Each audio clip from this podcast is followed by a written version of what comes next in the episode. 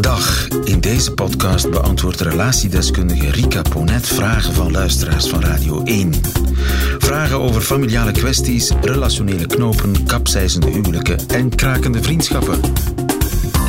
Vraag het aan Rika.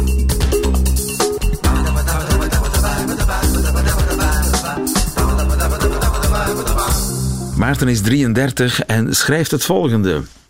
Ik ben al een tijdje online aan het daten via Tinder. Ook op Instagram ben ik nogal actief en op die manier leer ik heel wat mensen kennen.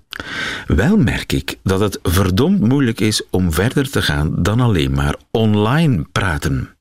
Ook al deel je heel wat persoonlijke dingen, schrijft Maarten, breng je veel tijd met elkaar door online, Afspreken in het echt lijkt vaak een onmogelijke horde. Ik begrijp ook de manier van communiceren niet altijd. Doe ik een voorstel, bijvoorbeeld volgende week tijd voor koffie, dan krijg ik een open antwoord. Stijl, ja, waarom niet? Of ze liked mijn voorstel zonder meer. Doe ik dan een voorstel, dan komt er vaak een vaag tegenvoorstel. Stijl, het lukt wel ergens volgende week.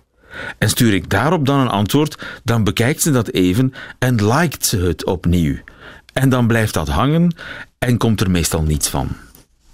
Doe ik iets verkeerd? vraagt Maarten. Ik begrijp hier niets van, schrijft hij. Rika. Ja. Ehm, vandaag bestaat daar een term voor. Soft ghosting wordt dat genoemd. Ja. Soft ghosting. Ik ken ghosting. Ghosting, Ja. dat is eigenlijk doen alsof iemand wind is. Niemand, Ja. of, of gewoon niet meer reageren. Inderdaad, dus je hebt dan een tijdje met elkaar gecommuniceerd. Dat is allemaal best vlot verlopen. En ineens ja, verdwijnt de andere. Er komt En geen antwoord Er komt meer. geen antwoord meer. Dit is iets wat we allemaal een stuk doen, soft ghosting. Zeker vandaag met sociale media. En ik denk, lieve, dat jij ook al zo berichtjes gekregen hebt. Stijl, wanneer spreken we nog eens af? En lukt het volgende week ergens? Ehm, het zou fijn zijn elkaar nog eens te zien. Ehm, ja, we, moeten, we te- moeten toch nog eens gaan eten. Dat soort... eh, en dan... Ja, zoveel variaties op dat thema. Hè. En doorgaans komt daar heel weinig van in huis. Ik weet niet of dat, dat bij jou ook zo is, maar... Eh, Dat hangt er een beetje vanaf wie die berichten stuurt. Als, het, als, het, als, als ik denk, oh nee, ja, dan, dan Ja. zou het wel eens kunnen dat ik iets vaag antwoord. Ja, ja, ja. Ja, en eh, ook al willen we het heel graag, de veelheid aan contacten die er vandaag zijn via die kanalen, ja, dat maakt ook dat we daar vaak de tijd niet voor hebben. We willen dat eigenlijk wel graag, we vinden die anderen wel best leuk. En dan eh liken we dat wel, of ehm, zeggen we van ja, prima. En uiteindelijk komt er dan toch weinig of niets van in huis. Ja. En, ehm, Dus kortom, Maarten heeft gewoon lage prioriteit bij de Bij- dames ja. waarmee hij probeert een koffiedate te versieren. Ja, en ehm, eh, ja, het gaat ook vooral over, zeker in een datingcontext, is dat dan natuurlijk wel een stukje pijnlijker dan in het gewone sociale leven, waar we dat allemaal ondertussen al een beetje kennen.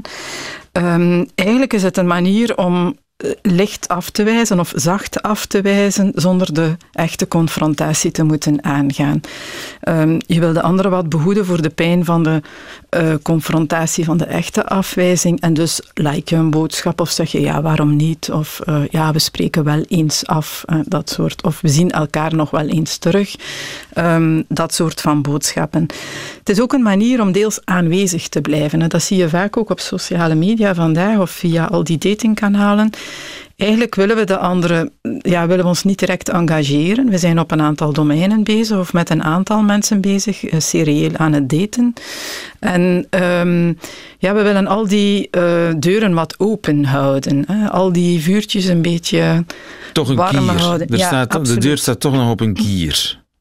En door dan zo af en toe daar iets van te liken of toch terug die communicatie wat op te rakelen of op een later moment als het aanbod dan plots wat minder wordt, halen we die nog eens boven, dan kan dat eigenlijk ook nog. Hè, Het is wel daar- zeer economisch allemaal, hè? Absoluut. En zakelijk. Ehm, en, en ja... Maar zo werkt het wel vaak, ook gevoelsmatig. En het is alsof we vandaag ja, er toch wel wat moeite mee hebben om contacten ook echt af te sluiten of duidelijk aan te geven. Hij is wel niet Ehm, gebuist, maar we kunnen misschien ja. nog delibereren. Zoiets, ja. Hè. Je, mag er zijn, hè, maar ik wil je niet. Daar komt het zo ongeveer op neer.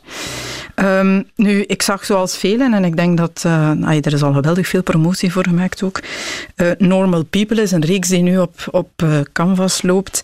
BBC-reeks Ja, over twee prachtig. jonge mensen uit verschillende sociale omgevingen. Ja, die zo eh, eigenlijk elkaar doodgraag zien, maar er maar niet in slagen om dat aan elkaar duidelijk te maken. Dat is de samenvatting van de reeks. Hè. Dus- Onder druk ook van hun omgeving. omgeving, maar ook bij hen zelf. Je ziet dat ze eigenlijk heel de tijd heel veel moeite hebben om ja, gewoon eerlijk, ook als ze met z'n tweeën zijn, eerlijk te zeggen wat ze werkelijk voelen voor elkaar. Het is alsof dat vandaag tegen iemand zeggen, ik zie jou graag en ik wil met jou verder. Ja, dat is een, ja, iets onmogelijks geworden. Ehm, en, En hoe eh, komt dat?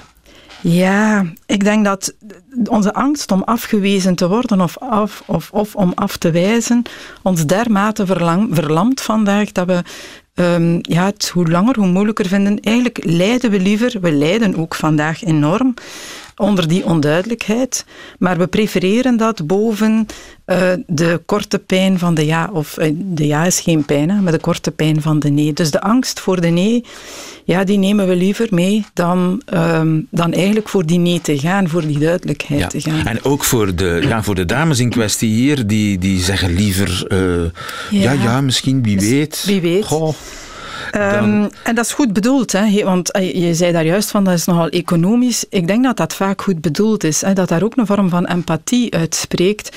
Wie aan het daten is online. ja, hij krijgt tenminste nog een hartje, nog een Ja, like. Ze, ja. kan, ze kan ook eh, hard ghosten, Ja, in plaats absoluut. van soft ghosten. Ja, absoluut. En ehm, ja, maar wie het doet, heeft het ook zelf vaak al ondergaan. Het is omdat, je, omdat iedereen zit in die context waarin het allemaal zo wat onduidelijk is. Het zeer onveilig aanvoelt ook om duidelijk uit te spreken wat je denkt en voelt. Ja. Ehm, en, en moet ja. Maarten nu maar vrede nemen met zijn status van eh, ja, reservewiel ergens? Eh, ik vind dat niet. hè. Ik heb dat recent ook voor mezelf beslist van daar wat duidelijker in te worden.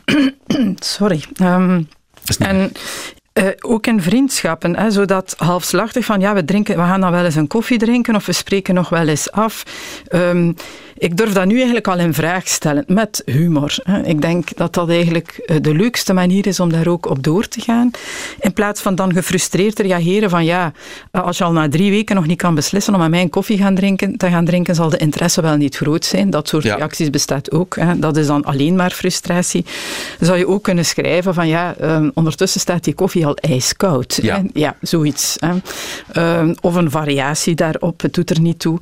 Eh, neem dat dus inderdaad een stukje op met humor, maar durf toch richting duidelijkheid te gaan voor jezelf. Zeker als je daar behoefte aan hebt. En dat is bij hem ook heel duidelijk het geval. Ja. En ik heb ondertussen ook ontdekt, ook in vriendschappen, als je daar gewoon open over bent. Bijvoorbeeld iemand vraagt jou om iets te gaan drinken en je zegt ja, even geen tijd, maar eigenlijk heb je, zelfs al heb je die persoon heel graag op dat moment, niet de energie of niet de zin, dat overkomt ons allemaal wel eens.